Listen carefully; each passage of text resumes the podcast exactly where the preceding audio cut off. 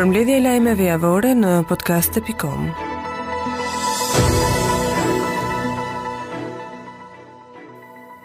Kreu i Komisionit Qendror të Zgjedhjeve Ilirjan Celibashi vendosi që të realizohet transferimi i pesë qendrave të votimit në Bashkinë e Shkodrës nga 11 që kërkoi kryebashkiakia Voltana Ademi. Një numër prej 1350 punonjësish të Policisë së Shtetit u angazhuan për mbarëvajtjen e procesit zgjedhor të 6 marsit. Të gjitha strukturat qendrore dhe vendore të policisë kaluan në gatishmëri shërbim të përforcuar, duke filluar nga dita e shtunë dhe në vijim deri në shpalljen e rezultateve përfundimtare. Këto masa i ka deklaruar drejtori i rendit publik të Policisë, Ylli Vasili. Çmimet e karburanteve në vend janë duke u ngritur çdo ditë, duke arritur shifra alarmante. Në fillim të kësaj jave, një litër naftë blihej me 193 lek, këtë të shtunë ka arritur nga 240 në 234 lek. Situata paraqitet e njëjtë edhe tek fqinjët tanë, në Kosovë karburanti mbetet më i lirë se në Shqipëri, por ka regjistruar rritje gjatë këtyre ditëve duke arritur një vlerë prej 1.60 euro për litër. Gazetari Lutfi Dervishi ka komentuar rritjen e çmimit të naftës në një postim në rrjetet sociale. Dervishi shkruan se çmimi mund të shkojë shumë shpejt në 2500 lekë, ndërsa paralajmëron se nëse ndërhyn autoriteti i konkurrencës, çmimi shkon menjëherë 3000 lekë. Nafta 2300 lekë kam frikë të shkruaj më gjatë sepse deri në momentin e postimit tjetër mund të shkojë 2500. Ky është një spekulim, është shprehur ai. Në emër të Partisë Demokratike, deputetja Dhurata Çupi ka denoncuar përfshirjen e Arben Ahmetajt në aferën e inceneratorëve. Më tej Çupi tha se Ahmetaj u ka dhënë me firmën e tij miliona euro miqve të tij në shkelje të hapur të disa ligjeve dhe në konflikt flagrant interesi. Deputeti i Partisë Demokratike, Lefter Gështenja, ka deklaruar se Damian Gjiknuri është i përfshirë në aferën e inceneratorëve gjithashtu dhe Partia Demokratike e padit në SPAK. Gështenja shtoi se e keqja nuk përfundon me abuzimin e 430 milion eurove, e keqja më e madhe do të vazhdojë të thellohet më shumë pasi inceneratori i Elbasanit dhe i Fierit do të jenë gropa thithëse për buxhetin e shtetit. Kryeministri Edi Rama ka reaguar disa minuta pas presidentit ukrainas për telefonatën që pati me të.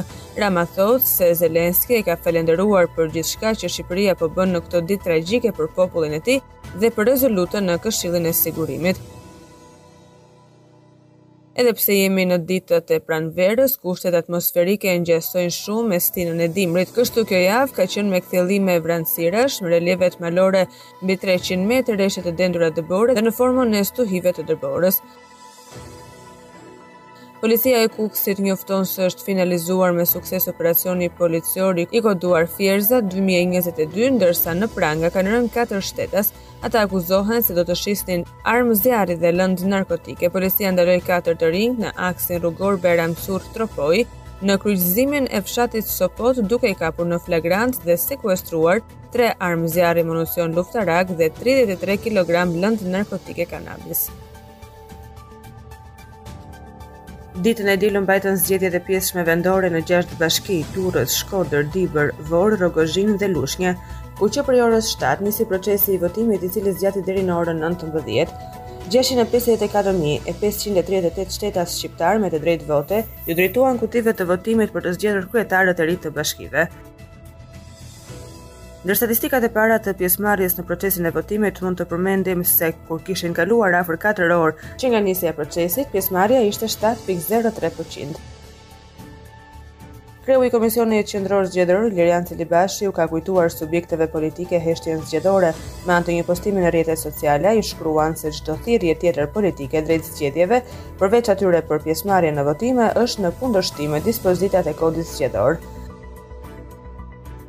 Ambasadorja amerikane Yuri Kim ka inspektuar disa nga qendrat e votimit në Durrës, e pyetur nga gazetarët për të dhënë një vlerësim për procesin e deritanishëm, Kim ka bërë thirrje për pjesëmarrje në votime. Është e drejta juaj për të votuar dhe përgjegjësia juaj, kështu që votoni, ka thënë Kim shkurt, duke u larguar nga Pallati i Kulturës në Durrës ku ndodhej një qendër votimi. Ambasadori gjerman Peter Zingraf vëzhgoi procesin zgjedhor në Shkodër, ai tha se prezenca e tij në kryeqendrën e veriut nuk ka arsye të veçantë, ndërsa interesi i tij është kryesisht atmosfera e përgjithshme. Në qytetin e Shkodrës ka votuar kandidati i koalicionit Shtëpia e Lirisë, Bardh Spahia, ai deklaroi se është i bindur se qytetarët shkodranë me votën e tyre do të nisin ndryshimin e madh që do fillojë nga Shkodra dhe do të vazhdojë në të gjithë Shqipërinë. Jozefina Topalli ka votuar në Shkodër për zgjedhjet e pjesshme vendore për këtë bashki. Ish-kryetarja e Kuvendit ka pasur një prononcim për mediat ku tha se sot vendoset për rikthimin e opozitës reale që i ka munguar vendit. Sot është një votë kritike për bashkinë e Shkodrës por mbi të gjitha kryesisht se ne sot vendosim për rikthimin e opozitës reale që i ka munguar vendit prej disa vitesh. Vota sot është themelore, është një pikë kthese. Kandidati i Partisë Demokratike për Bashkinë e Shkodrës, Xhemal Bushati, i ka ftuar qytetarët dhe të gjithë njësive administrative të votojnë ta ushtrojnë këtë të drejtë. Sa më shumë të votojmë, sa më shumë të shprehim vullnetin e tyre të lirë, aq më e drejtë do të jetë kjo vendimmarrje për Shkodrën tonë dhe për të gjithë ne, ka thënë ai.